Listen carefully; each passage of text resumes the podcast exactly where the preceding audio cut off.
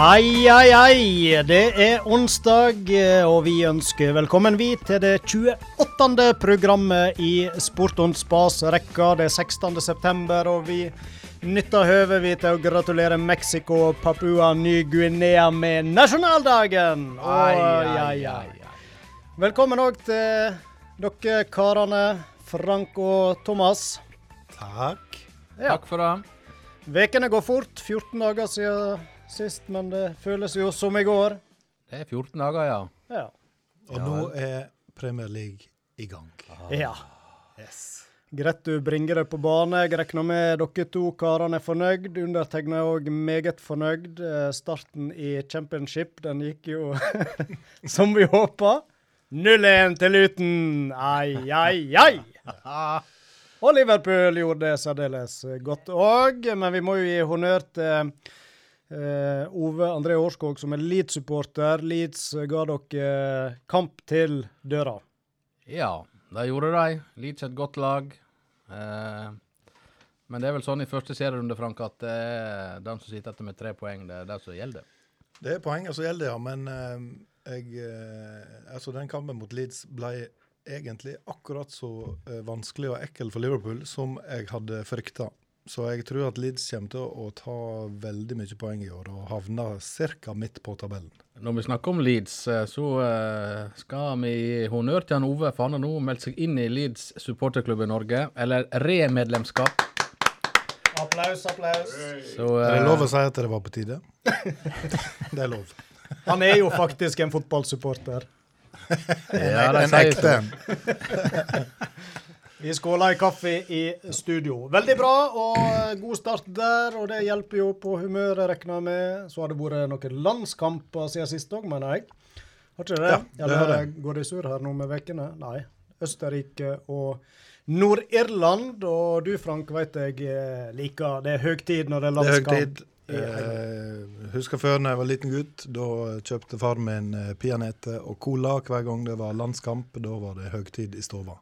Ja. Og, da- og gjør han enda til deg, sikkert.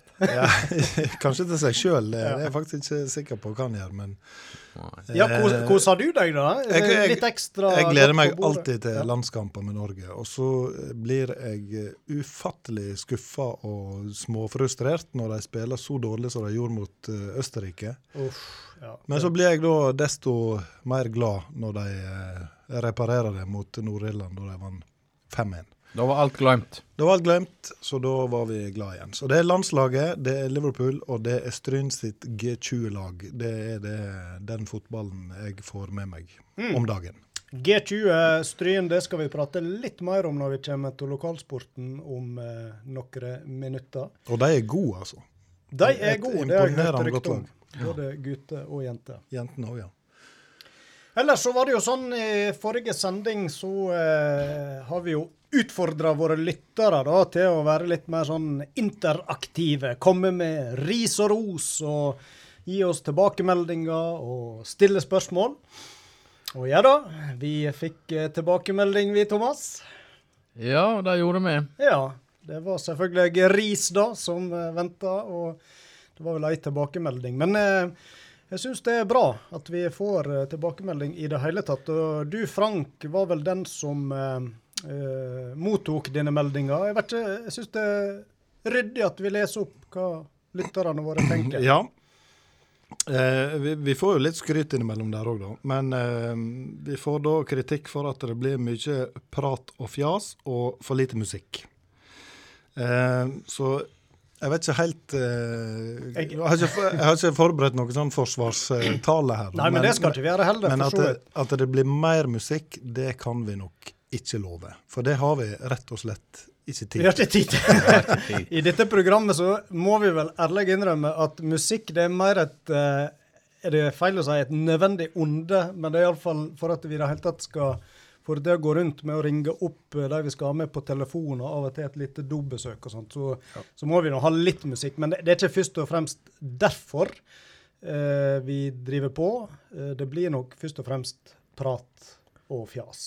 Det blir det. Det blir nok det. Og i neste sending har jo han Thomas lova å eh, synge en sang, så det kan jo bli et hyggelig musikkinnslag. Det blir det. Og du er jo med på koring. Det er jeg. Men eh, da kan vi nå komme med et tips, da. Lyttertips eh, i stedet. For her på Radio Stryn så er det et program som heter Marling og musikk. Og der tror jeg faktisk de spiller vel så mye musikk som de marler. Så kanskje det er et bedre program for de som søker musikken. Så Eller hvis, hvis en da hører på begge programmer, så blir jo snittet med musikk ganske greit. Og så kan du legge til stift på toppen, vet du. Ja, ikke sant? Og så har vi òg pop... eh, Hva heter det? Poplife. Poplife med han eh, Frode Sunde. Og, Radiobingo har vi.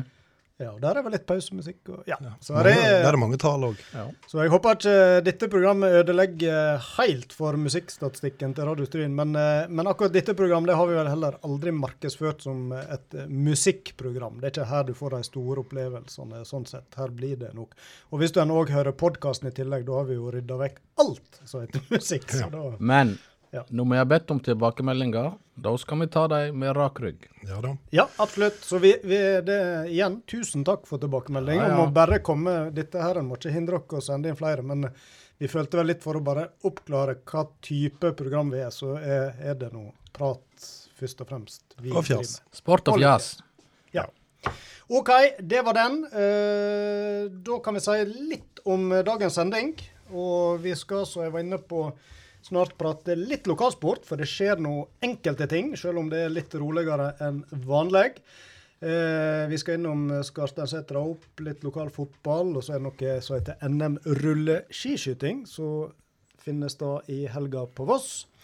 Så skal vi òg ha en liten prat med han Anders Fannemel. Der er iallfall jeg veldig spent på å høre hvordan går det med han. Han var jo ute hele fjorårssesongen pga. en skade han pådrog seg omtrent på denne tid i fjor, i plastbakken. Så eh, litt eh, nysgjerrig på om han er optimist med tanke på et comeback til vinteren. Og så gleder vi oss veldig, Thomas, til det vi må kunne kalle er hovedgjesten. Selv om han ikke er i studio, så er han med oss på telefon, iallfall.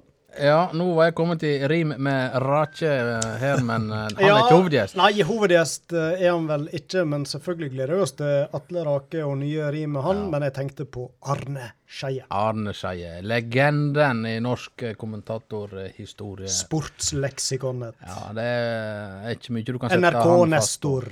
Her er mye eh, superlativ vi kan eh, putte på han. Så der skal vi snakke om både eh, hopp, vi må høre litt hva han tenker om Fannemel etter praten med han. Og så eh, skal vi selvfølgelig prate litt fotball, og da må vi vel innom Flo-pasninga, Frank. Ja, vi må jo det. Hopp og fotball er jo Skeie sine to desiderte favorittgreiner, så det blir vel mest det det går i. Og der oppmoder vi om å sende inn spørsmål. Sitter du og hører nå og har eh, lenge tenkt at Arne Skeie han eh, skulle vi ha spurt om det ene eller andre. Kanskje for å styrke deg til helgas eh, quiz på puben eller hva det måtte være, så er det kanskje noe du kan eh, få gode tips fra Arne Skeie i dag. Så det er bare å sende inn spørsmål via Facebook-sida vår, så sender du på Messenger der. Så skal vi prøve å putte det inn og stille han eh, det når vi skal prate med han. Arne Skeie. Du nevnte huspoeten Atle Rake, og så har vi leita fram noe gammelt sportsgull fra Fjordingen-arkivet, og det blir konkurranse, og så blir det vel òg et nytt ord eller uttrykk i Frank Hoel sin spalte. Yes! Da skal vi rulle i gang her.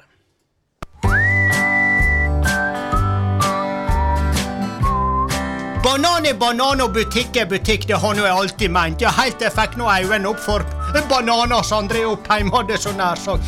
Nei, men altså inn på butikken der, du får så mye annet med på kjøpet. Det er så ryddig, og det er så flott, og det er så rent. Og der ser en jo at han er, han er godt opplært av mora. Ja, det er ikke mye hybelkaniner som flyter rundt omkring. Nei, jeg driver ikke dyrebutikk heller, bruker han å si. Han er så artig, han André, veit du. Men han har så mange andre rasende kjekke folk som jobber der òg. Ja, både norske som svenske. Smørblid og alt i hop. Eller smørgosser, som de, så de sier på svensk, eller hva det heter. Ja, så er det noe voldsomt greit å parkere der òg, og det setter nå mange min pris på, for da veit han at han får bilen like hele hjemme igjen. ja, og ikke minst så er det noe rimelig å handle der. Ja, for så jeg sier, du trenger ikke være holden for å handle på bunnprisholden.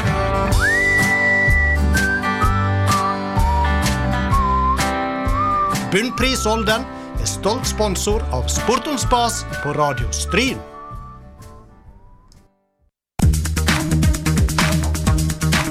Lokalsportrunden. En runde for deg som liker lokalsport.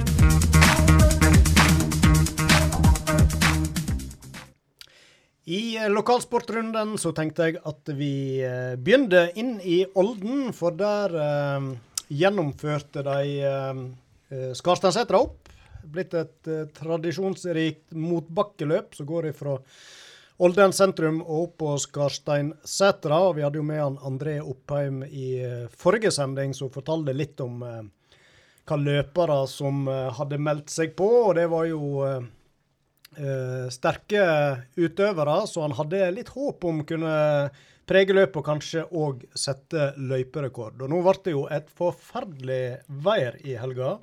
Med regn og forholdsvis kaldt og surt, så det lå ikke egentlig an til de store rekordene. Men jammen ble det rekord i både herre- og dameklassen. Ja, eh, nå eh, runder jo Skarsteinsetra opp eh, ti år, faktisk. Denne gang. Og eh, det ble rekorder, som du sier. Eliane Dvergsdal sprang 4,6 km på 24,54. Og Det er ti sekunder eh, raskere enn persen min, det. Ja. Så det er jo på tide å legge seg Du hadde kjent det i blodsmakbakken, hadde du fulgt henne. I år hadde jeg iallfall kjent det. Da tror jeg ikke jeg hadde klart å følge om. Nei. Ellers i herreklassen så er det jo han Marius Vedvik som har vært eh, rekordinnehaver der. Og han har vel eh, senka sin egen rekord eh, siste par året, men eh, nå stilte ikke han eh, denne gang. Og Johan Bugge, 1934. Nifst fort, altså. 4,6 km, og da er omtrent halve løpet Det går, om ikke rett oppover, så går det iallfall bratt. Du har nå vært der sjøl, Thomas. Ja, det blir jo bare brattere og brattere. Ja. Og eh, det er- rene Tour de France-fjelletappen. ja Klatreetappe de luxe. ja. Så det er sterk tid. Un godt under eh, Jeg tror han persa Nei, persa setter rekord med over halvminuttet. Eller rundt halvminuttet, Ja, jeg tror uh, Det var over 20 minutter. Det var 20.03 eller et eller annet, hvis ikke jeg tar helt feil. Men uh, ny rekord uansett. Mm. Så uh, her er bare til å se fram til, til neste Skarsteinsetra opp om uh, et års tid. Og så uh, har nå jeg latt meg iallfall imponere når jeg så på resultatlista noen prestasjoner litt lenger ned i de yngre klassene. ja ja, veldig unge han, men eh, i 17-18-årsklassen der sprang en som heter Lars Martin Melheim, Oldar. Eh, som for meg eh, Jeg har vel hørt navnet før, men jeg tipper han her kommer til å høre mye mer til. For han sprang altså på 21,42. Vel to minutter bak Johan Bygge, men han er jo i europaklassen når det gjelder motbakkeløp. Og denne unggutten på Jeg er usikker om han er 17 eller 18. Han ja, imponerte stort og springer annet Jeg mener han er raskere enn det f.eks. Helge Hafsås fra Olden har klart å springe, som vi kjenner godt til fra mange løp i mange år. Og i den klassen ble Johan Oskar Guddal Breivik nummer to. Ja. Sterk skiskytter, men måtte se seg slått med faktisk tre, nesten tre minutter av han Melheim. Melheim. Og så var det jo en eh, 15 sek- eller i 15-16-årsklassen og en veldig god prestasjon. Isak eh, Skogen, det er vel Vikane IL, mener jeg. Han sprang på 23,02. Ellers så må vi jo nevne eh, klasse herrer 40-49. Ja, der òg eh, Greit nok at Anders Rød fra Os eh, gikk til topps, men her merker vi oss Rune Solheim på tredjeplass. Og Inge Mathias Tvinnereim på fjerdeplass. Ja, det må jeg si var gledelig å se eh, en god kamerat, og ikke minst da eh, hva skal jeg si, tidligere rival i langrennssporet. Han gjorde eh, Vi får kalle det et comeback. Jeg tror det må nå være 20 år siden sist jeg så han på ei, de, de, ei sånn type resultatliste, iallfall. Bare jeg skyter inn en liten Ja. sak der. Eh, Rune og Inge Mathias er jo, er jo blant de som gjerne spiller oldboys-fotball søndagskveldene. Rune Solheim han måtte da eh, stå over pga. gangsperre fra Storetårna og langt opp under. Ja. Men han Inge Mathias stilte på. Ah, imponerende. Lett, lett i draget. Ja, han var eh, Ja. Det er nå kanskje Ja. å ta litt i, men, Ja, men nå må du huske vi er 40 og nærmer oss 50.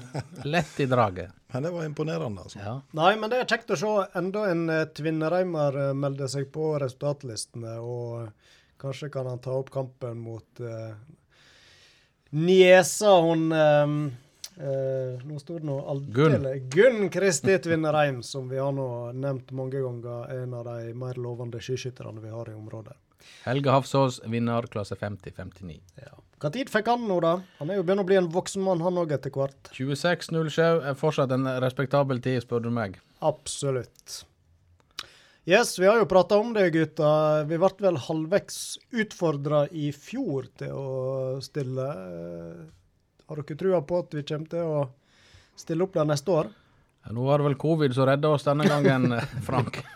covid og idrettsskader, ja. det var berginga. Men det spørs. Jeg, eh, jeg, tror det at når uh, Skarsteinset opp, opp uh, nærmer seg neste år, så uh, det murrer litt bakside lår på meg. Så det ligger an til en strekk. Men det får vi se.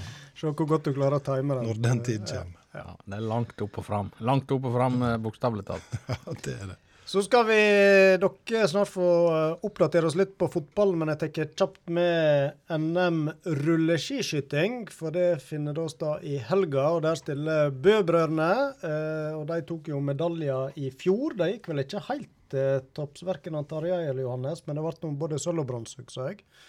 Og eh, jeg var så vidt i kontakt med han Johannes, og han virker veldig motivert for å hevde seg. For det er jo, jeg stilte jo han spørsmålet om det er noe han vektlegger dette her. Det er jo fortsatt en stund til sesongstart på snøen og det, men det var han klar på at han håpa på gode konkurranser, og kunne røpe at han denne veka så uh, tok han skalpen på resten i et testløp. Så han er bra i rute. Så det var kjekt å høre. Men uh, til rulleski-NM så stiller det òg eh, lokale utøvere. Og jeg tenker vi kan jo nevne hvem som skal være med der kjapt. Fra landslinja i skiskyting. Ann Kristin Aaland, Johannes Græe, Tiril Ure Totland, Maren Hjelmseth Kirkeide, Hedda Garli Hilde, Kasper Myndal. Halvard Voldsund, Oskar Guddal Breivik, Emil Streitlien Ask Haughovd, Jens Henrik Hegg, Lasse Flo Bødal og Seli Henden og Ingrid Heggen. Og sist, men ikke minst, Inge Mathias Tvinnereim. Mm, ja, ikke der, tror jeg. Da ble jeg overraska. OK, fotballgutter, Nå sitter dere og spinner litt. Ja, vi har jo en U20-serie gående, Frank, både for eh, gutter og jenter. Og de feier all motstand til sides. Det er ikke annet å si. Ja, det er imponerende. Nå har ikke jeg fått sett jentene, men jeg har sett eh, to eller tre kamper med G20-laget, og det har vært rett og slett imponerende å se på. De er veldig, veldig gode og ser ut som til tross for lite kamptrening siste månedene, så eh, har de gjort eh, en god jobb på treningsfeltet i lag med trener Hesjedal og uh, Jørn Peder Sætre. Nå sist så var det Sogndal som fikk unngjelda. Guttene slo Sogndal 2 12-0, og jentene slo Sogndal 10-0. Oh. Eh, Lyst til å nevne Sondre Holmlund Ørjasæter. Tre mål mot Sogndal. Og han hadde jo eh, fem mot Florø i kampen før, var det vel. Ja. Så uh, Johannes Konstali Lødemel to mål. Han er vel yngstemann på laget. Ja, det stemmer vel. Jentene 10-0, som sagt. Hermine Kjøsnes 3. Emma Njøten 2. Kajsa Wemby 2. Så uh, det blir spennende å se. For guttene sin del så har jo keeper eh, Eirik Paulsen vært skada de to siste kampene òg, så de har jo brukt uh, utespillere i han Jørgen Trøsken og han Sander Sande Tenden i mål. Men de har klart seg strøkent allikevel. Det er, det er, bra at de har folk i, i bakhånd. Dette her blir jo veldig viktig og god matching vel for mange av de som ellers ville spilt på A-laget til Stryn. Ja, det er, jo, det, det er, jo, de fleste fra en, en normal elver på A-laget er jo med på G20. Og det er mm. vel sånn for jente 20 òg. Ja. Så eh, det er jo ikke noe tvil om det. Det er egentlig bare synd på de som er over 20, som ikke får være med. Og Så ryktes det jo da at uh, kanskje litt pga. situasjonen og i mangel av uh, A-lagskamper, så er det bra oppmøte på disse aldersbestemte kampene nede på stadion. Uh, ja, i hvert fall uh, Jeg så Sogndal Nei, eh, Stryn mot Florø. Da var det jo 150 stykker nede på stadion. det er jo nesten det, mer enn hva du får på en A-lagskamp. Ja. Så har det vært så mye drittvær i det siste òg at alle samler seg på tribuner under tak. Ja. Så det ser kanskje litt mer ut enn det. Ja. Men det er jo ikke noe tvil om at eh, de som er interessert i, i fotball i bygda, de eh, har jo dette der som det eneste å se på nå. Så eh, da virker det som folk stiller opp og kikker på det. Da er det jo litt stas for en 13-14-åring, og kanskje det står eh, 50-60-70 langs sidelinja og heier. Det er vel ikke hverdagskost. Ja, da, jeg så det så du nevnte han Johannes eh, Konsteli Lødemel eh, var med. Han eh, Johannes Fredheim kom inn. De er jo 05-modeller begge to. Så eh, de får nok kjenne litt på det, ja. Det er god erfaring å ta med seg. Jeg har nå lyst til å nevne uh, jentene at det her eh, Hare Njøten og co. Går fra seier til seier, sjøl om eh, Marie Johansdottir har reist til Arna-Bjørnar og Emma Sæbø melder jo overgang til Kaupanger nå eh, rett før skolestart. Men likevel så har de et knallsterkt lag. Mm. Eh, en annen kar vi er nødt til å nevne, det er en Tor Martin Kandal. For han eh, Ja, da lurer vi på hva idrett det er. Ja. Tor Martin Kandal. Ja, han, eh, han driver med pistolskyting. Ja, det er ikke en altfor utbredt idrett i Stryn iallfall. Nei, det er ikke det. Men han eh, ble like fullt eh, bronsemedaljevinner i NM. Var på Kongsvinger, var det vel. Ja. Eh, så han har vel sikt i orden, da, vil jeg tro. ja. Det må vi nesten gå ut ifra. Ja. Men det er vel forskjellige øvelser eh, og varianter der òg, sånn Ja. som i andre skytekonkurranser. Nå har ikke jeg helt uh, Jeg er ikke helt inne i pistolskyting, så jeg håpte at jeg rakk å si pistolskyting, Frank. Beklager. ja. Men uh, NM-bronse, absolutt respektabelt, da, altså. Mm. Ja. Er vi kommet eh, rundt runden da, av lokalsport? Det var det i denne omgang, tror jeg vi sier. Og så eh, skal vi eh, for så vidt fortsette med litt lokalsport snart. Når vi skal hente inn på telefon han Anders Fannemel. Men vi spanderer på oss litt musikk. Det gjør vi. I sånn dann og vann, iallfall. Og det gjør vi nå. Hva er det vi skal få høre, Ove André? Fannemele, faktisk. Han har fått sin egen sang etter seg, så da hører vi på den. 251,5 meter.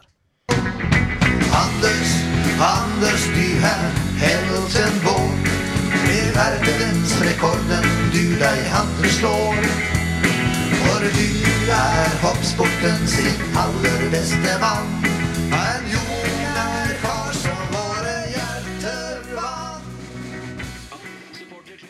Det var sangen om Anders Fannemel, og det var far og sønn Kobberstad ifra Handalen som vi hørte framføre den, og det er vel de som har skrevet den òg.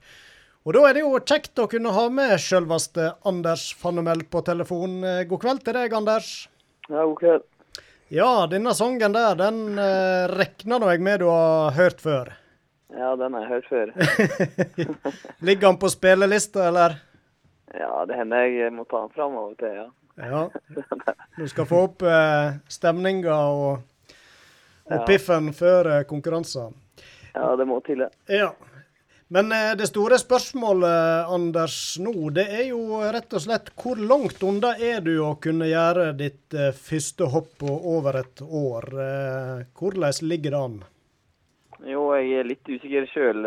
Det har jo gått litt lengre tid enn jeg hadde tenkt. Men eh, ja, forhåpentligvis eh, om ikke så lenge. Om eh, to-tre to, uker, kanskje. eh, Kanskje før. Så det er liksom siste, siste jobben som legges ned nå. Ja, hva er det du bruker tida rett og slett på nå for å gjøre deg klar for hoppbakken? Nei, for, for å bli klar så har jeg eh, jobba veldig mye med styrke og sånn i beinet. Jeg mista jo all muskelmassen i, i det skada beinet mitt etter en veldig lang periode på krykker og uten å få lov til å belaste det. Så ja, det har tatt veldig mye tid å bygge opp igjen. Og så er det litt det å bli kvitt sånn eh, ja, smerte og, og litt sånn eh, Få litt mer kontroll på kneet, da. Så det har tatt litt lengre tid enn jeg hadde håpa og trodd. Er du eh, smått frustrert etter hvert, eller hvordan stiller det seg?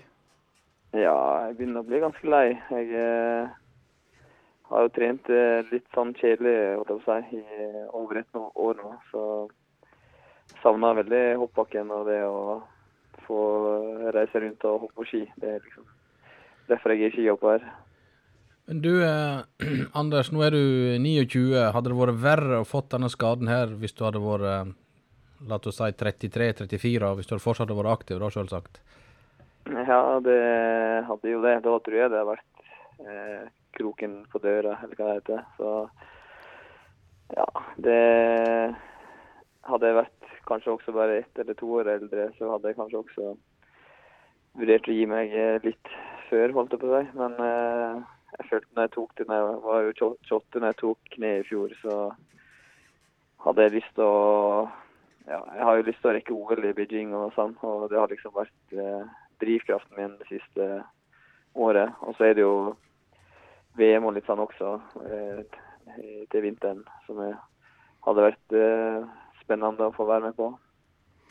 Men du Anders, når du er, når du er skada og ute så lenge og må eh, holde på med alternativ trening, har du, har du på en måte folk rundt deg som hjelper deg med motivasjon og, og backer deg langs med, eller, eller blir du mye overlatt til deg sjøl og må stole på din egen sjøldisiplin? Jo, jeg har eh, masse flinke folk rundt meg. Jeg eh, var, bodde jo egentlig på Olympiatoppen i Oslo ja, i to måneder i fjor i strekk, eh, rett etter at jeg skada meg. Og så eh, fikk jeg god oppfølging av fysioterapeut på Olympiatoppen på Lillehammer eh, i vinter. Men eh, ja, jeg har vel aldri trent så mye alene og for meg sjøl som jeg har gjort det siste året. Så det blir jo eh, veldig kjedelig i lengda, sånn som det har vært siste året. Du sier at eh, kanskje om to-tre uker så kan du prøve deg i hoppbakken igjen. Er det noe du er litt eh, nervøs og redd for? eh, at eh, du skal kanskje slå opp igjen skaden på, når du hopper igjen, eller har du noen tanker rundt det? Ja, det er selvfølgelig det Altså, jeg er jo litt spent på hvordan det skal funke. Jeg vet ikke om jeg eh, husker hva jeg har holdt på med de siste ti åra eller ikke. Så det, det blir jo eh, spennende. Men forhåpentligvis så tar jeg på meg hopputstyr og ski, og så setter meg på bommen, så føles det så kjent ut at det bare blir å hoppe sånn som Ja, det føles ut som før jeg, før jeg skada meg. Men eh, det blir spennende å se. Jeg har eh, jeg gleder meg egentlig bare nå til å komme i gang igjen med hoppinga. Men eh, ja, jeg aner ikke hva jeg har i vente med tanke på nivå eller eh, følelse eller sånn. Hva, hva jeg kommer til å finne på først oppe. Så det blir jo liksom spennende å se, da. Men du har vært på Du har stått på ski, Anders. Ja, jeg har Jeg gikk jo litt på langrennsski i vinter allerede. I februar og mars og sånn. Så da var det litt lettere ski. Og så har jeg prøvd meg litt mer på slalåmski og, og sånn i den skihallen som er i Oslo. Så ja.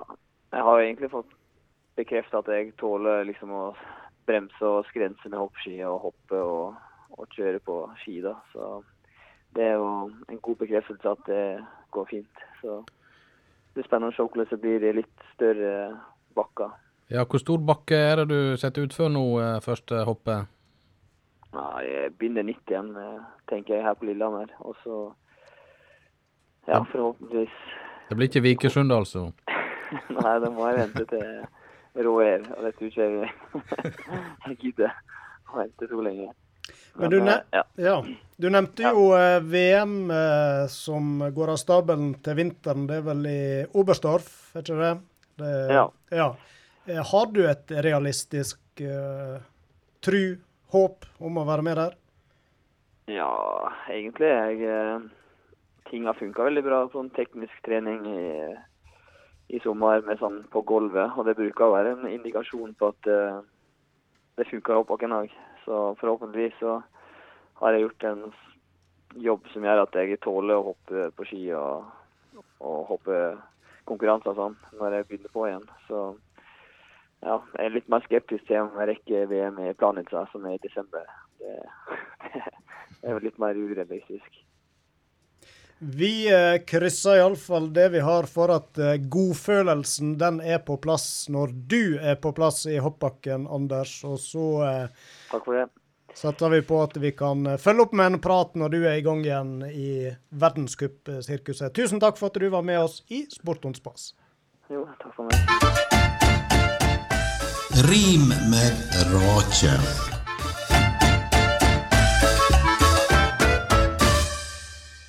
Vind. Vind i trädå. Vind på sjøna, Vind rundt nøva. Vind i magen. Vind i Brocha.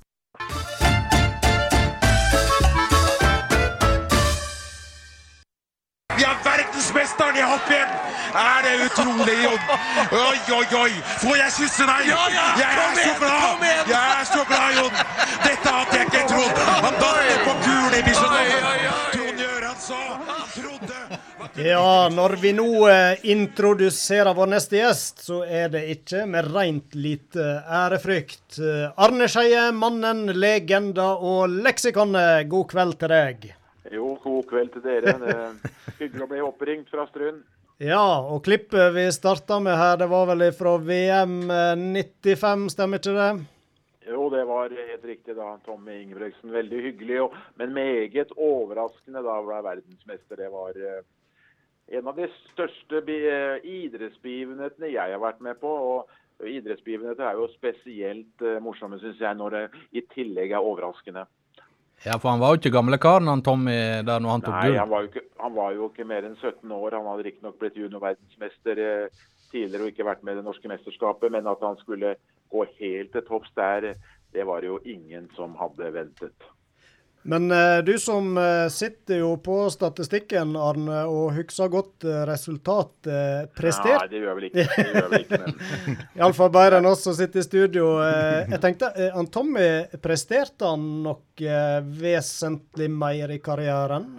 Ja, han, han, han, var jo av dem som aldri ble vant verdenscuprenn, men han var jo med da selvfølgelig og Individuelt så fikk han jo en medalje i nå må jeg bare tenke høyt her, det må jo ha vært i 2003 i Val di Fiemme. Han var jo hele tiden eh, bra, og spesielt i skiflyvning så var han jo veldig sterk når vi kom til det siste rennet i Planica. Men eh, det, det er jo ikke noe som eh, matcher det som skjedde i Calgary i, i 95. Det vil jo stå der som det største med Tom Ingebrigtsen. Litt tilbake til det og, og det klippet vi hørte i starten her. Eh, reaksjonen din, bærer den på en måte litt preg av at det var et overraskende gull? Det, det til de grader. Og så bærer det også preg av en annen ting som eh, jeg har fått, eh, prøvd å fortelle i hvert fall de nærmeste etter det der. For det ble jo relativt mye oppstyr både og først og fremst om Tommy, men også at vi var så høyt oppe, Jon Hervik Karlsen og meg.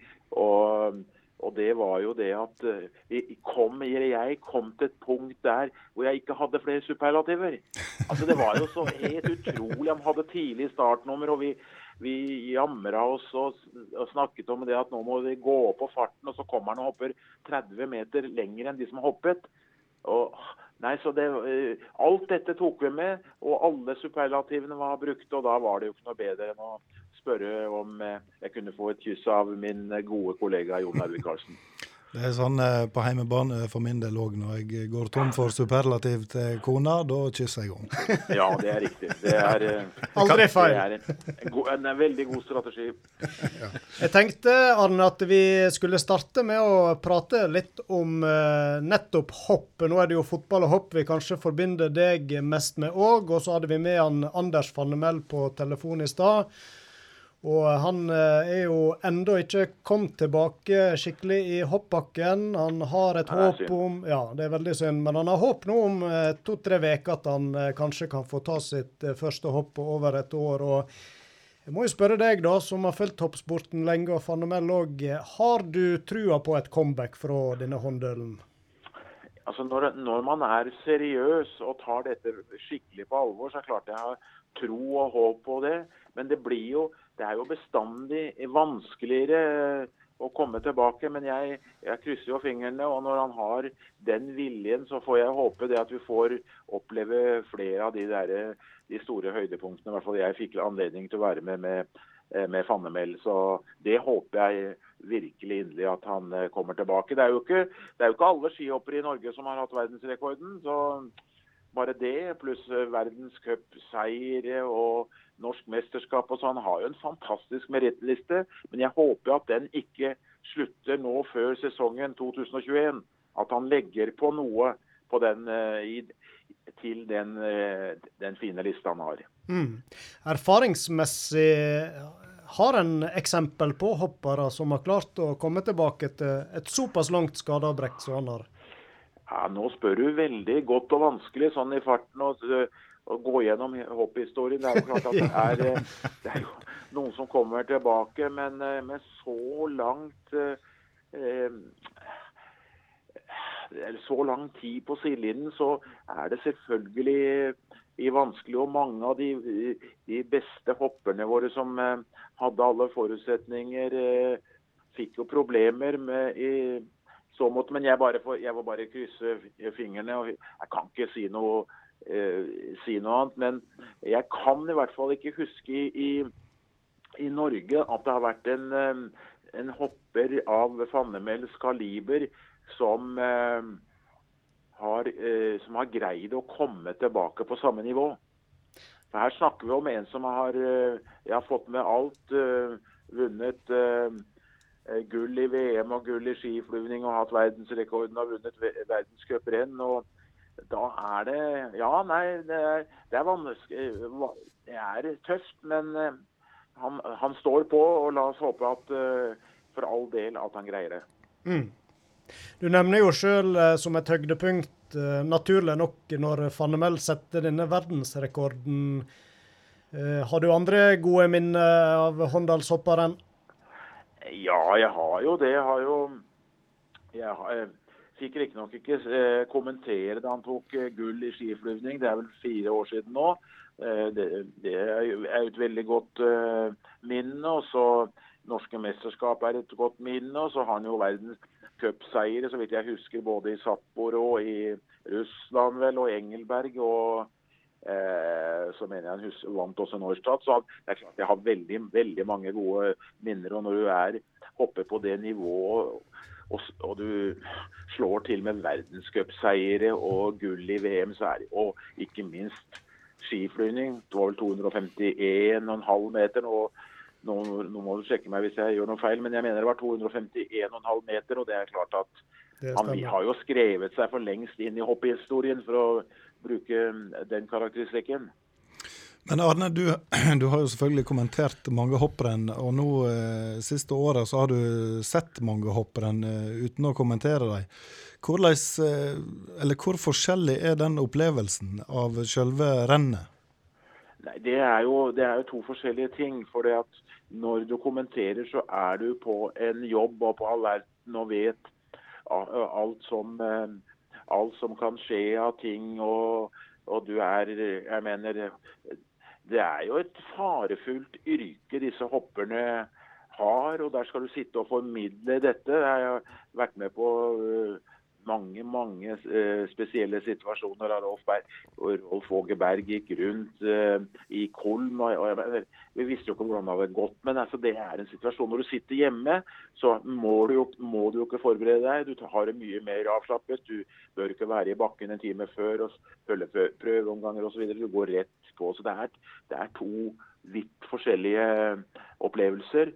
Men jeg ville ikke vært foruten uh, noen av dem. Og når, I mitt tilfelle, hvor jeg da hele livet har vært hoppinteressert, så er det jo veldig vanskelig da å ikke være like engasjert når jeg setter meg ned hjemme for å se et verdenscuprenn eller eh, OL eller VM eller hva det nå enn er. Ja, vi spør jo ofte pensjonerte idrettsutøvere om det ikke kribler litt, men det gjelder for kommentatorer òg? Ja da, det er klart at uh, jeg som var så heldig, det var det, jeg trodde det skulle bli veldig mm, stille og sånn, men det har ikke blitt. Var, du, når man har kommentert i 40, hva blir det, 43 sesonger, så blir, blir jo ganske mange hopprenn og mange hyggelige opplevelser. Og, det er, og man er privilegert og får drive med, med hobbyen sin. Så ja, det er, men, men allikevel, det å kommentere det er jo selvfølgelig, som du vet, noe helt annet enn å være tilskuer her hjemme. Bør ikke være, være, som jeg sier, forberedt. Man kan bare være tilskueren som nyter det og slipper å tenke på at alt skal være riktig, det skal ikke gjøres feil, og det skal være engasjement og det skal være informasjon. Ja, jeg kunne fortsatt sånn. Det er, det er, det ikke når jeg sitter hjemme, selv om eh, jeg selvfølgelig skriker i taket litt da og når jeg skriker og det går nesten i taket når nordmenn gjør det bra. Men to forskjellige verdener er det. Det hadde jo vært artig å høre han. Har du sjøl en hoppkarriere å se tilbake Nei. på? Snakket om det i dag med en veldig god venn, at da det ble stillaser, så tok jeg skiene eh, og gikk ned. Men eh, det, eget, det, eneste jeg kan skryte av der etter å ha hoppet i småbakker, det var at jeg i mange mange år var hoppdommer. og det var det visste jeg jo ikke den gangen, men i ettertid har det vært et veldig, var det et veldig eh, fint pluss for meg når jeg skulle begynne å kommentere. for hadde i hvert fall med, e, e, egne meninger og hadde vært borti det og visste, ja, visste mest om dommernes plassering og, og, hvor tøft det kan være. Og, ja. Så det var jeg veldig glad for. Men noen hoppkarriere, nei. Det, det hadde jeg på ingen måte, du. Nå er det jo eh, Hoppsporten har jo utvikla seg eh, veldig, både med V-stil og utstyrsmessig og alt. Men det fineste hoppet du har sett noen gang, har du et hopp som du kommer på der? Må vel være Olav Hansson. Stilhopperen fra Røa? Ja, det blir, ja, det for, for all del Olav, Olav Hansen hoppet pent, men det blir jo ofte hopp som er forbundet med store mesterskap og uh, triumfer. Du, kan, du, var inne på, du kan jo nevne Tommy i 95. Jeg, jeg, er jo så gammel, så jeg husker jeg satt hjemme i Skedsmo og så Toralf Engan vinne eh, renn i Innsbruck, OL i 64 f.eks. Det Engan gjorde, nå går jeg langt tilbake, men jeg er en gammel mann, til, seks, til Falun hvor han hadde 20 stil. Så det er utrolig veldig For å gå, gå litt ut av øh, den norske rekken av hoppere, så syns jeg jo Wolfgang Leutzel fra Østerrike hoppet jo vanvittig pent. Men alt dette, som du vet, det er jo subjektivt, og det forblir heldigvis subjektivt. Vi skal øyeblikkelig flytte oss fra hoppsporten og over på fotball, som òg eh, er et område du kan og vet mye om, Arne. Men vi spiller litt musikk først, så da må du bare henge med oss. Og så skal vi få med én gjest til på telefonen. Så vi er straks tilbake med mer sportsprat med Arne Skeie. Sport og spås, like underholdende som god sklitakling. Ja, da skal vi eh, flytte oss over i uh, fotballverden. Og du Arne Skeie, du er med oss fortsatt, du? Det er jeg, du. Jeg ja. hørte eh, kollega Børge Lille kommentere noe som jeg aldri har hørt før. Men morsomt var det. eh, apropos kommenterte. VM 1998, da var jo du kommentator eh, VM i, i, Frankrike. Og da var jo ikke mindre enn tre blad Flo med i troppen, i tillegg til en håndel Frode Grodås. Så jeg må jo spørre, hvordan var det å få med denne her, en, eh, kaller det gullalderen, da, både for landslaget og eh, Flo-familien på 90-tallet? Nei, Du kan jo tenke deg hvor privilegert jeg var og hyggelig det var. Og, og, selvfølgelig det som skjedde i Marseille i juni i, eh, i 1998 er jo selvfølgelig høydepunkt. Norge slår da Brasil. Og igjen så var det dette her at hadde ikke noen forventning. Ja, det gikk jo ikke så gærent i de to første kampene, men bare to poeng, to uavgjorte. Og sa til meg selv før kampen et godt resultat mot Brasil, verdens beste, vil være bra. Og så er vi best. Og vi får jo egentlig den eh, utviklingen som vi skal ha med det første målet til Brasil, og så kommer Norge tilbake. Nei, det var, nei, var storartet. og jeg har faktisk, eh, jeg pleier aldri å høre på det, sånne kamper jeg har kommentert, men jeg har hørt den en par ganger. og nei, Det er like morsomt å se det om igjen altså, som eh, det var å se det live i for 22 år siden. Og det er vel ikke noe som er kjekkere, vi var inne på det i stad enn å bli overraska positivt som kommentator. Da blir det Nei, det er, Og forventningene var ikke, var ikke spesielt uh, store hos meg. Jeg håpet på en jevn kamp, men ikke at vi skulle slå Brasil. Selv om vi visste at i utgangspunktet så måtte vi sannsynligvis vinne mot Brasil for å i hele tatt uh, være med på, på leken videre. Og så, så vinner vi. Og, og, det som jo også er morsomt, det er jo at uh, vi er ikke noe dårligere enn spillemessig heller enn Brasil den kampen. Jeg vil si bedre. Og da syns jeg det var veldig, veldig fortjent. Og det var jo ekstra morsomt at i den kampen så var det også så utrolig mange nordmenn på tribunene i Marseille. Og jeg har inntrykk av at jeg har ikke truffet et menneske etterpå som ikke så matchen på TV. Så det er det der var en uh, kamp for til de grader for evigheten og historiebøkene, eller hva det heter. Nei, det var uh, utrolig morsomt å få den muligheten til å kommentere det som jo har på mange måter jeg sier ikke at det er den største idrettsprestasjonen i Norge, det sier jeg ikke. Men det største idrettsøyeblikket, det påstår jeg at det var. Eh, jeg holder fortsatt Rodals seier på 800 meter i OL som det største. For av de 194 selvstendige landene i verden, så er det slik at i alle land så løper man. Mm. Men, men pre, prestasjon størst i friidrett, men opplevelsen tror jeg folk ja, de husker mye bedre den kampen. For han godeste Rodal løper jo også midt på natta. Nei, det, er et, ja. det er et fotballminne. Og, og Tore, Tore, André var jo sammen med Jostein eh, og Håvard i det, det mesterskapet så veldig, veldig sentral og, og fra det, kom fra den lille bygda. nei, det var det var, nei, det var bare morsomt, og det er bare gode minner når jeg tenker tilbake på alt det som skjedde. Spesielt da Marseille, men i hele VM i år 98. Mm. Men eh, før eh, 3-94 så var det jo ikke sånn allværa å skryte av, eh, iallfall eh, de siste par tiåra der eh, av norsk fotball. Men så kom jo, kom jo denne Jostein høgreiste Flo eh, inn på landslag, og det utvikla seg eh, denne her en berømte Flo-pasninga. Kan du huske hva du tenkte rundt den når det begynte å etablere seg på landslaget? Nei, jeg hadde jo kjent Drillo en, eh, ganske lenge og visste at han, han sto, for mye. Jeg, jeg eh, fulgte med da han var i Ålesund og, og fant ut at det var en, en, løsning å slå den der lange pasningen. Han, han var veldig eh, han hadde veldig tro på det. og Jostein hadde jo alle forutsetninger til å være spilleren som tok imot den ballen fra, fra Stig Inge Bjørneby. Så nei, og alle, Det som var poenget, var jo at alle, alle land var jo redde redd der. der. Da, da spilte mot England, så lurte de på hva de skulle gjøre. De klarte ikke dette. Det var, det var ingen som hadde noe godt trekk mot, uh, mot uh, det taktiske som der Egil Olsen sto for. Så nei, det var, det var, det var morsomt. Men eh, da, da, Egil Olsen kom, så var det vel ikke så mange som hadde noe tro på at dette skulle eh, ta helt av på 90-tallet. Tar jeg ikke helt feil, så var det vel ikke mer enn 4000-5000 som så den første, eller kanskje 6000 som så den første VM-kvalifiseringskampen eh, mot 94, hjemme mot San Marino da vi vant eh, 10-0. Så det, det tok en stund der før eh, folk hadde noe tro på det, men etter hvert så var det nesten som å gå på vann. Og da tenkte jeg det, du. Og dette har Egil eh, fortalt meg mye om. Da han fikk trekningen til det, eh, den kvalifiseringen i 94 og fikk de landene trukket opp der, med både Nederland og England og Polen og Tyrkia, så sa han jo det at hvis noen hadde sagt til han da at Norge skulle vinne den gruppa og være klar foran den siste kampen, ja, så Nei, da, det var jo helt uvirkelig. Mm. Men det skjedde.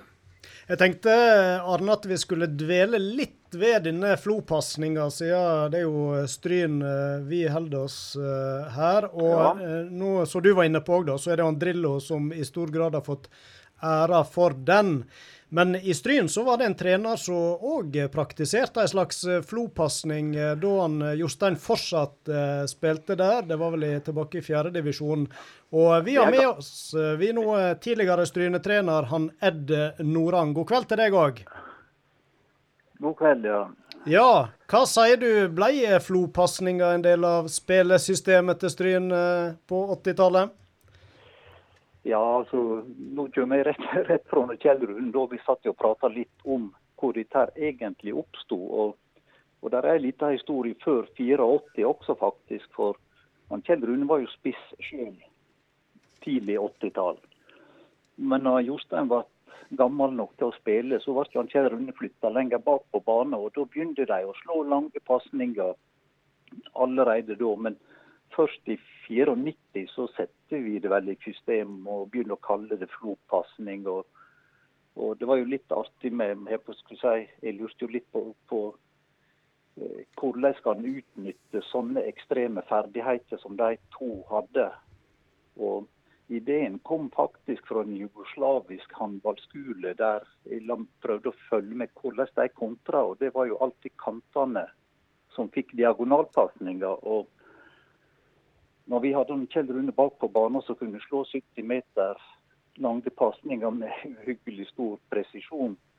Og han Jostein han eide jo luftrommet. Han ble jo avblåst for frispark flere ganger når han kom ned igjen etter en lufttur enn en når han takla folk. Sånn at, at uh, når vi begynte å få sette det i system, så ble det et veldig farlig angrepsvåpen, slik vi oppfatter det. Men, men uh, det var ikke stempla som primitivt da i 84. Men, men, så den originale flopasninga, hvis vi kan kalle den det, da var det faktisk en floer i begge ender? Ja, alt annet er jo bare plagiat. men hvordan var det Ed, å se at uh, egentlig denne pasninga lykkes så godt uh, på landslag òg, når den dukker opp der? Nei, altså, fotball er jo et enkelt spill. Du, du skårer aldri før du passerte alle motstanderne. Og hvis du har dyr, ble han som kan slå en pasning på, på 60-70 meter med presisjon og passere sju-åtte motstandere, så, så, misbruker du en sånn kapasitet hvis du ikke utnytter det. Mm. Og Det var jo det vi egentlig gjorde. Primitivt kan du godt kalle det, men det var veldig effektivt kontringsvåpen. Så er det vel sånn i fotball òg, Ed, at uh, resultat trumfer det meste? Ja, altså Det er jo resultat som teller. Eh, stilkarakter, det, det var jo eh, ferdigheter på et ekstremt nivå, det de to holdt på med. Men det, det brydde ikke folk seg så veldig mye om. Altså, den, Jostein skåra vel åtte-ti mål etter vi hadde rykt opp etter sånn langpasning. Så er det jo klart at det, det er dødelig effektivt. Hva sier du, Arne Skeie? Syns du at Andrillo bør dele litt av æra, sånn som du får det lagt fram her? Ja, jeg, jeg syns jo det. Jeg vet ikke hvor Det har jeg ikke spurt uh, Drillo om hvor han har det fra, men det er klart at dette var uh, imponerende. Og hele tatt, når vi snakker om floene, floene som jeg sier, så syns jeg det er jo utrolig. vet du. Og, Tore André og Jostein over 50 landskamper. Håvard gullklokka. Så jeg, tar sikkert feil nå, men jeg mener at det er i hvert fall fire Flo, eh, fra familien Flo, som eh, i tillegg til disse, som har spilt på øverste nivå i Norge. Så det er jo Nei, det er helt unikt. Jeg finner nesten ikke ord, altså. Og ikke noe gærent sagt om Stryn. Jeg var på Josteins avslutningskamp i 2003, men de kommer fra Stryn. De kommer ikke fra Manchester, de kommer ikke fra London, de kommer ikke fra München, men fra Stryn. Og så har man greid å få fram så mange fantastisk gode spillere. Mm. Eh, hvis jeg forstår det rett, så har eh, både eller du, Arne og Ed faktisk eh, prata allerede litt om denne flopasninga. Ja, verden er rar, du. Jeg var ute og tok en kaffe med de gamle gutta i, i fjernsynet, og da traff jeg en eh, tidligere kollega eh, av, eh, av, meg da, som, som snakket med dattera til den tidligere treneren i Stryn. Og dermed fikk jeg faktisk vite det først nå i september, dette, denne hemmeligheten som eh, ikke jeg var klar over, som har eksistert, eksistert fra 1984. Ja. Så det er mye tilfeldigheter på alle felt i verden. Ja, var det en eh, artig prat, Ed Norang? Ja, det var jo da jeg sier Kjell Rune han friska jo opp med noen historier. Han, han, spilte jo på Molde sammen med Jostein også. Mm. Og de slo vel Start 1-0 i Kristiansand. Og da skal komme målet selvfølgelig etter en flopasning, original flopasning. Og han Kjell Rune slo, og den var langt, og det var nøyaktig. Og han Svein Mathisen kommenterte det vel med at alt fugleliv over stadion var utrydda for de kommende to åra. Ja, det, altså det var veldig hyggelig at dette skjedde på 80-tallet. Men det var jo samme med Egil. Had, Egil Olsen hadde jo dette i Ålesund. Men det var først da han kom på landslaget og det, man fikk alt det negative fra utlendingene, at det ble veldig mye snakk om flopasningen. Men eh, veldig urettferdig. Man skulle jo ha skrevet og snakket om det overalt allerede på 80-tallet, når jeg har hørt disse historiene. Eh, vi sier tusen takk til deg, Ed, for at du tok deg tid å være med og uh, prate litt om denne flopasninga og originalutgåva, hvis vi kan kalle den det. Han, Arne Skeie han vil vi ha med litt til, for vi har fått inn noen lytterspørsmål. Men tusen takk til deg, Ed. Bare hyggelig. Ja, Arne. Vi har utfordra lytterne å sende inn noen spørsmål til deg, og vi har iallfall fått fått inn et par stykker her. Er du klar for dem? Ja, vet du, jeg håper ikke er sånne um, spørsmål av typen 'Hvem spilte ytre venstre på Freidi i 1978?' For at, uh, da, da, kan du stryke det spørsmålet. for jeg sier det at uh, det er aldri uh, Opp gjennom årene jeg har fått så mange spørsmål som jeg sier at det er jo aldri vanskelig å sette fast noen på noe som helst. Men jeg svarer gjerne hvis jeg kan. Men jeg bare spør om det, da. Blir du ofte oppringt? Folk sitter fast eh, med et spørsmål, enten på en quiz ja, nå, eller Nå legger jeg kanskje opp til det òg, du. For nå er det sånn at Drillo, Drillo og jeg vi reiser rundt. Vi har vært, tro det er, jeg skjønner ikke hvorfor folk skal ha gamlingene rundt, men vi har vært på 40 steder med quiz. Og nå til, uka, nå til helgen skal vi både til eh, Stavanger og til Ryfylke og ha quiz. Og neste uke til Trøndelag. Så det er klart at da får jeg veldig mange spørsmål. Men det som irriterer meg mest med spørsmålene, det er når spørsmålsstilleren ikke har riktig svar. Ja, Det er ganske pinlig. Det er ikke godt nok. For, for han og for meg. Jeg tror vi må invitere dere til Stryn òg ved et uh, høve. Men nå iallfall noen lytterspørsmål her. Og da ja. tror jeg du, Frank, hadde iallfall ett klart der. Ja, jeg har i hvert fall et uh, Ja, du òg har det. Ja, nei, uh, Har du vært i Stryn? Er spørsmål én, uh, Ja, Arne. Ja, der har jeg vært et par-tre ganger. Og det jeg husker kanskje best, det var nok da Jostein hadde avskjedskampen sin i 2003. Ja, Da husker jeg Arne, at jeg fikk ære av å hilse på deg. Nei, må, nå må du slappe av. Det er ikke noe ære å hilse på meg. Men det var i hvert fall veldig hyggelig å komme til Stryn. Nå, nå lytter jeg Nå lytter jeg skyte inn her. Tippekamp, første tippekamp, eh, Arne, fra Fosshaugane. Veit du når den var?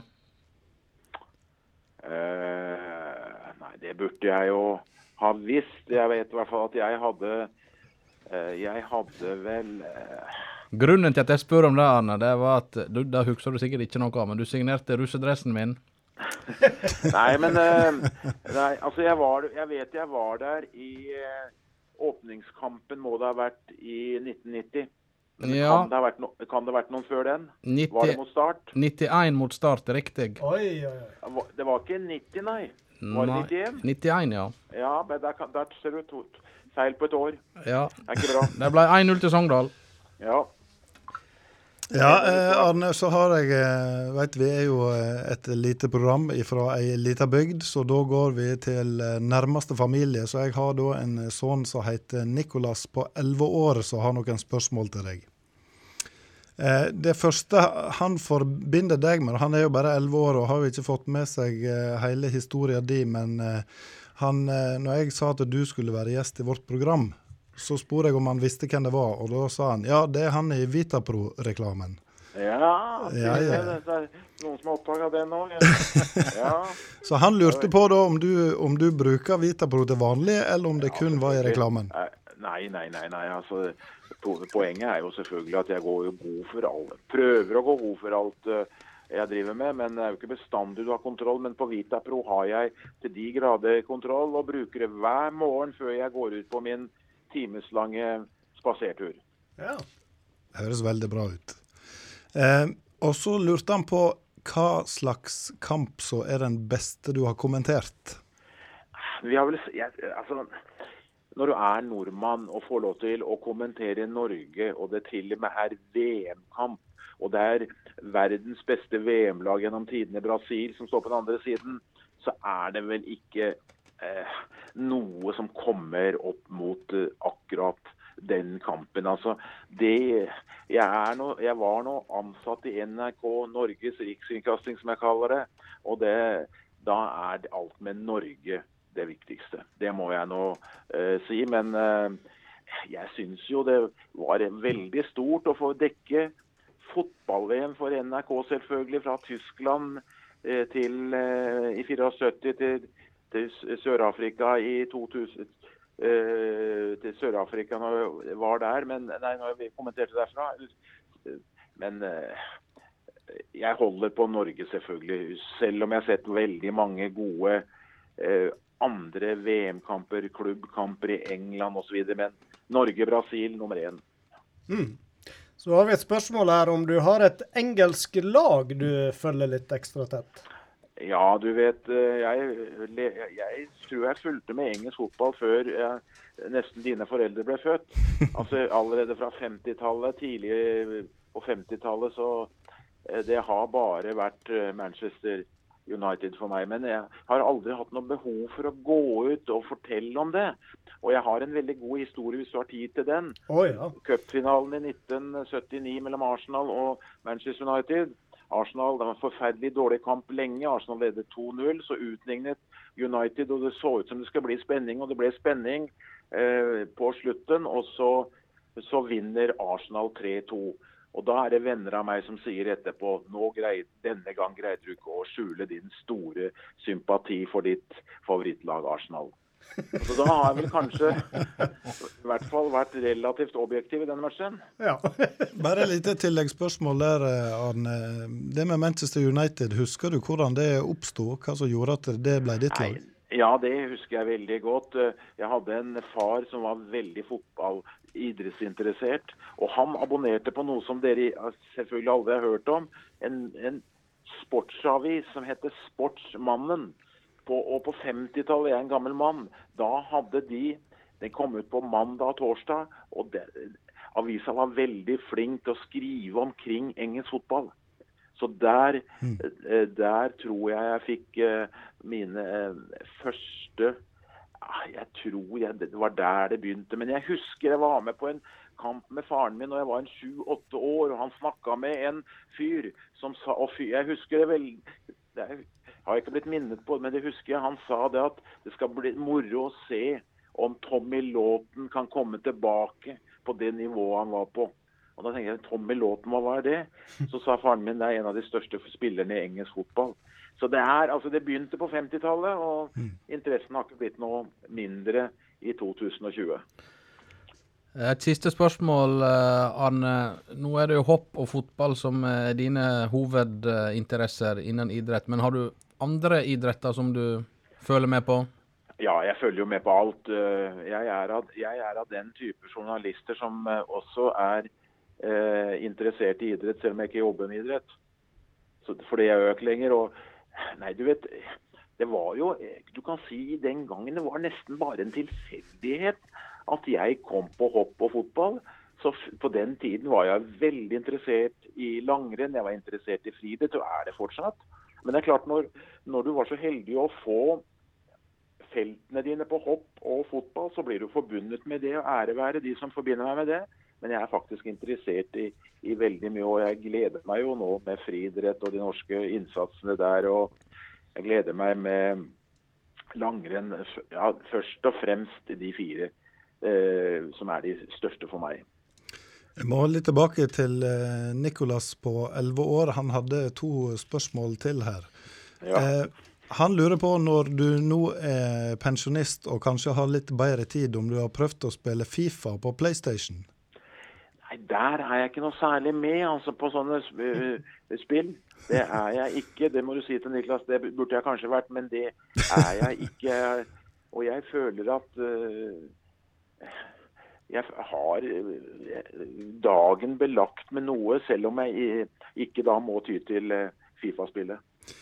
Eh, til slutt så lurte han på eh, Altså, han, eh, han syns Maradona er tidenes beste spiller, for det har iallfall pappa sagt, som han sa til meg. Ja. Eh, hvem syns du er tidenes beste fotballspiller? han, han, du refererer til 11-åringen, er fornuftig? Og jeg, jeg syns vel også det, når jeg ser tilbake på hva han gjorde. Og kanskje eh, ja, både det han gjorde i 86 i VM, selvfølgelig. Det han gjorde med det, det dårlige argentinske laget i 90 som kom helt til finalen. Og ikke minst hva han gjorde i Napoli. Ja, Det var helt enestående. Så han, han er øh, Nå er det jo så gjerne sånn at vi eldre øh, tenker tilbake og er nostalgiske og, tenker, og syns det var mye bedre før. Det er ikke sånn. Jeg, det meste går framover, men for meg så er Maradona helt, helt der oppe.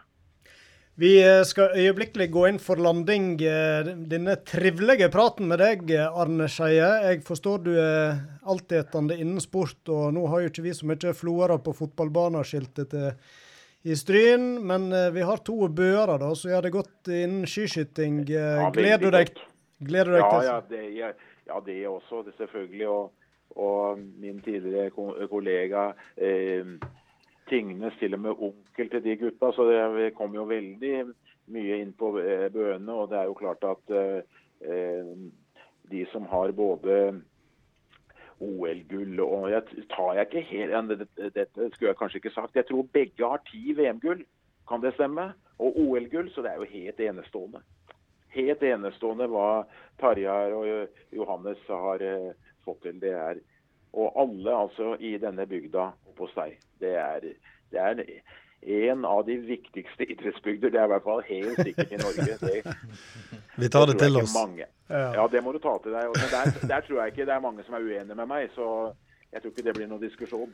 Om bare et par måneder så kan vi benke oss framfor TV-en, så er verdenscupen i gang. Så det gleder vi Ja, oss jeg til. håper det at det ikke blir noe Ja. Du vet jo aldri med denne pandemien og dette surret, så Litt forbehold får vi ha, ja. Mm. Ja, jeg er litt og jeg er redd for både EM i fotball i, i 21, og jeg, jeg er redd for Qatar. Du vet jo aldri hva som skjer her.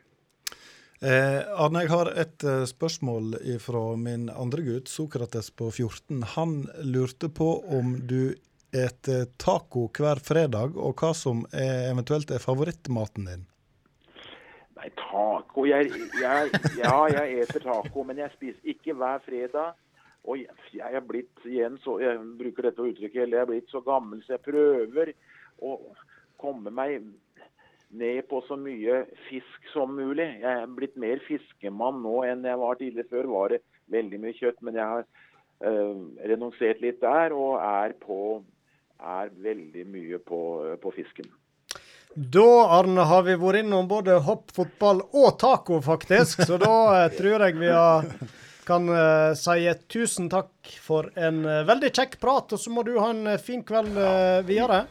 Og like måte, og tusen takk for at jeg fikk være med hos dere. Dette satte jeg veldig, veldig pris på. Da må dere ha en fortsatt god kveld og gode år fremover. I like måte. Ha det Ha det bra. godt. Ha det bra.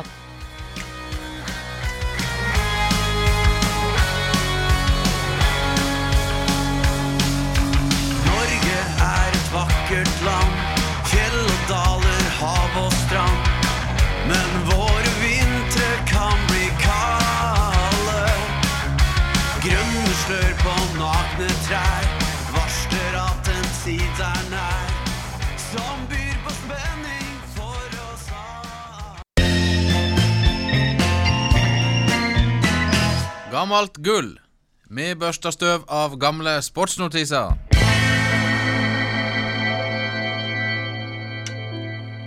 Yes, yes, yes. Da har jeg gjort et lite dykk i Fjordingen-arkivet. Eh, funnet en eh, sportsnotis, eh, Thomas og Frank, og det er ikke sånn typisk eh, res sportsresultat, men eh, vi er inne i fotballværet iallfall. Overskrifta den er 'Peder Helge Sandbakk har gredd gullballen'. Hva årstall er vi på nå? Vi er fortsatt eh, 1970. 1970. Ja. Og dette sto vel i eh, tidlig oktober 1970, så det er ganske nøyaktig 50. Gullballen. Ja. Ett gull, tre sølv og 17 bronse til Stryn i år. Norges Fotballforbund sitt dugleiksmerke er laga til for å fremje fotballspillet sin teknikk, og en kan ta merket i tre grader. Bronseballen, sølvballen og gullballen. Teoretisk kan en greie alle tre ballene på én sesong, men det må være minst to måneder mellom prøvene. I Stryn turn- og idrettslag har 17 greid bronse, tre sølv og én gull. Peder Helge Sandbakk var den eneste som greide gull, medan Andreas Vik, Terje Flo og Dag Magne Berstad, Dammen, greide sølv. Det er von om at både disse 21 ballsjonglørene og flere med dem vil holde fram som de stemner. Til neste år kan de 17 bronseguttene ha sølv og gull. Så det var Peder Helge Sandbakk. Han ble eh, vel etter hvert eh, distriktslege, skulle jeg si. Lege og engasjert Jonglør. i Sjonglør. Ballsjonglør. Ja, sånn men jeg det. husker jo dette der eh, ferdighetsmerket. Dette var stort på 80-tallet òg. Har du tatt jeg. gullbaddelen? Nei, nei, nei. nei. nei. Det var, jeg tror det var blått og rødt. Aldri oppå noe bronse. Nei, jeg mener ikke, så jeg sto og nipsa litt ut på stadion jeg òg, og, skulle, og en skulle plassere noen baller. Det var litt sånn forskjellige øvelser, men ja. Men om vi ser tilbake litt spalter, så kan det nå anbefale folk å lese Siste fjordingen. Ja, der eh, er jo gull der òg. Jeg tenkte mer på unge Myklebust som uttaler seg oh, ja, om eh, skjenking Ja, i ja, ja. kommunen. Det er kanskje mer grums enn gull. eh, Den.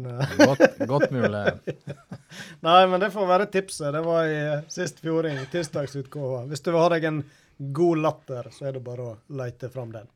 Yes, yes, det var dagens gammelt gull, og vi haster videre. Sitat, ord og uttrykk fra sportens verden som du nå får servert, enten du vil eller ei, ved Frank Hol. Dagens uttrykk er trampe i klaveret. Eller tråkke i salaten. Det går ut på ett. Det er synonymt. Eh, trampe i klaveret, det er veldig lite jeg har hørt. Jeg vet ikke hvor det er med dere. Nei, jeg har vel eh, Jeg vet ikke, kanskje jeg har tråkka mer i salaten enn i klaveret. Veit ikke. Nei, men eh, det betyr da at uh, du gjør noe dumt, pinlig eller eh, taktløst. Eller noe i den duren. Eh, og uttrykka regnes som synonyme. Men jeg tenker at det, det er jo ikke opplagt at eh, mennesker skal verken trampe seg opp i et klaver eller opp i salaten. Er det dyr vi snakker om? Som, uh... Nei, det var, det var jo det som pirra nysgjerrigheten min òg. Eh, hva har salat med dette her å gjøre? Mm. Trampe i klaveret, det kan jo en eh, på en måte forstå, for hvis du gjør det, da Da var det god og brisen. Ja, hvis- da Ja, hvis du begynner å klatre opp etter det klaver og trampe Nei. Det kan jo ha skjedd nede på vertshuset. Men ehm, hva som er det mest alvorlige, kan jo folk ha ulike meninger om. Noen mener nok at tramping i klaveret er noe som på, påkaller mer umiddelbar oppmerksomhet enn trakking i salaten. Klaveruttrykket skal skrive seg fra det svenske ordtaket 'Det låter', sa bonden til klokkeren, 'trampa i klaveret'. Som vi selvfølgelig har hørt. Eh, på svensk dekker nok klaveret salaten, for de bruker visst ikke noe salatuttrykk der. Eh, danskene holder seg unna klaveret, men treder eller jokker til gjengjeld i spinaten. Så hvis du hører når du er Den eh, tror jeg vi skal begynne å innføre. Eh, Erstatte Hvis du skal på ferie til Danmark eh, en gang eh, Jokke i. Ja. Nei, jo- jokke i spineten. Ja. Eh, Jokke i uh, spagetten. Spagaten. det blir jo oppi mitt hode noe helt annet. Ja. Men eh, danskene de holder seg iallfall i spinaten. Det ser ut til at dansker og svensker oversetter det ene med det andre, så da bør det være greit å bruke uttrykka synonymt på norsk. Slår av lyden på telefonen. Og et spørsmål til Arne Skeie som kom litt seint. Eh, det trampes i klaveret i norske bøker fra rett etter krigen, men neppe tidligere enn det. I Norsk slangordbok fra 1952 er det forklart med passe, dårlig i selskap. Salaten er ikke med i denne eh, ordboka. Tråkke i salaten finner vi første gang i en oversettelse fra 1950. Ellers trakkes det i en del spinat i norsk litteratur, før man går mer over til salat i 70-åra. OK, det var da salaten Så det ble eh, jokka litt i spinaten i Norge òg, da. Tydeligvis. Tøft. Det kan være verdt å ta med seg. Den eh, tror jeg vi skal ta med videre i vokabularet. Tusen takk, Frank Hoel, for at du igjen eh, opp... Eh, hva det heter Ikke, ikke oppgradert. Opplyste oss. Opplyste, iallfall. Ja. Vi jokker videre i spinaten.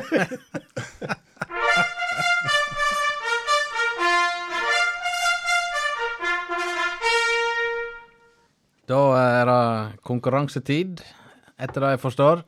Um, sist sending hadde vi med oss uh, Simen Lillevik. Strømmen-keeperen, som eh, for øvrig var med å vinne 3-0 mot HamKam nå, Frank, i Yes. siste serierunde i Obos. Da holdt han buret rent i, mot laget til Kjetil Rekdal. Ja. Enkelt. Enkelt og greit. Men uh, spørsmålet var jo uh, moderklubben til uh, godeste Simen eh, Lillevik. ja, han spilte jo en del sesonger som senior, iallfall, i Stryn, men moderklubben, da er vi tilbake på aldersbestemt. Og uh, Han er vel innviker, Han er innviker, god som noen, veit jeg. og da er klubben Frank. Vikane. Yes. Vikane var svaret, og vi har jo fått inn uh, våre svar på Messenger. Det bugna i påskeegget mitt. Eh, Skal vi se. det, er det du som skal trekke, ja? Ja. Ja, det er det. Tenker det, det må være ryddig. Ja. Der, ja. Flott. eh, Bretta i hop lapper, Ja. Taule. Nå står det med blokkbokstaver òg, Ja. så skal være leselig. Og her står det Stig Høynes. Ai, ai, ai, ai, ai, En god mann, så jeg tror han har vunnet ei T-skjorte en gang før her òg. Han har den uh, Oransje. legendariske oransje Eikefjord. Eikefjord-skjorta. Eikefjorden. Så nå får han uh, bakfram T-skjorta. Ja, ja, ja, ja, ja. Send oss en melding, Stig, om du vil ha small, medium, large eller extra large. Eventuelt ekstra small. Ekstra small kan vi ordne på oppfordring. Vi har et bugnende lager å ta av, så eh, her eh, sender vi av gårde. Hvis du lurer på størrelsene, så sitter jeg og Frank med large, tror jeg. Det gjør vi. Dette skal vi nok finne ut av etter hvert. Vi gratulerer Stig Høynes, vinner, og da eh, må vi stille et nytt spørsmål Ja. til neste sending. Dagens spørsmål er så lokalt som vi kan få det. Mhm. Vi skal fram til navnet på vår huspoet. Som sender oss de saftigste linjer i diktform. Ja. Navn på huspoet i Sport om spas. Send inn på Messenger. Og du kan vinne vår, jeg vil si, eksklusive T-skjorte. Ja. Ai, ai, ai, står det på brystet. Radioprogrammet med flere gjester enn lyttere. Ja, Hilde da- Hilde har allerede svart. Veldig bra, og da er det bare å hive seg på for dere andre òg. Send inn. Hører du podkasten nå, fortvil ikke. Du kan sende inn helt fram til neste sending om 14 dager, og da er vel vi kommet til den eh, ja, 30. september, skulle vel det bli. Da sier vi tusen takk her fra studio. Først så takker vi gjestene våre. Vi hadde med Anders eh, Fannemel før vi tok en eh, prat med Arne Skeie, og da hadde vi òg med han eh, Ed Norang. Vi sier tusen takk til tekniker Ove André Årskog. Mitt navn det er Roy Aron Brennvik Myklebust, og ved min venstre side Dustin Suckers. Og rett fram, der sitter selveste Jørn Jens Kristiansen. Da ønsker vi dere en fin kveld videre. Tusen takk for oss. Ai, ai, ai, ai, ai.